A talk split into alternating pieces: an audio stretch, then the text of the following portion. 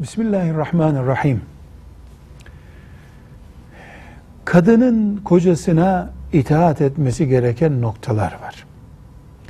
Bunların başında da yatak ilişkisi gelmektedir. Erkeğin makul olan, tıbben sakıncalı boyuta ulaşmayan cinsel ilişki ihtiyacına özürsüz olarak cevap vermeyen kadının o geceki kılacağı namaz konusunda tereddüt olabilir. Ama bu namazın bereketinden, sevabından mahrum olmak bakımındandır. Yoksa şartları yerine getirilmiş olarak abdest alınıp kıbleye dönülmüş bir namaz namazdır. Ama erkeğin cinsel ihtiyacını onu protesto etmek veya başka bir nedenle yerine getirmemekte direten kadın vebal altındadır. Kastedilen namazın olmaması budur.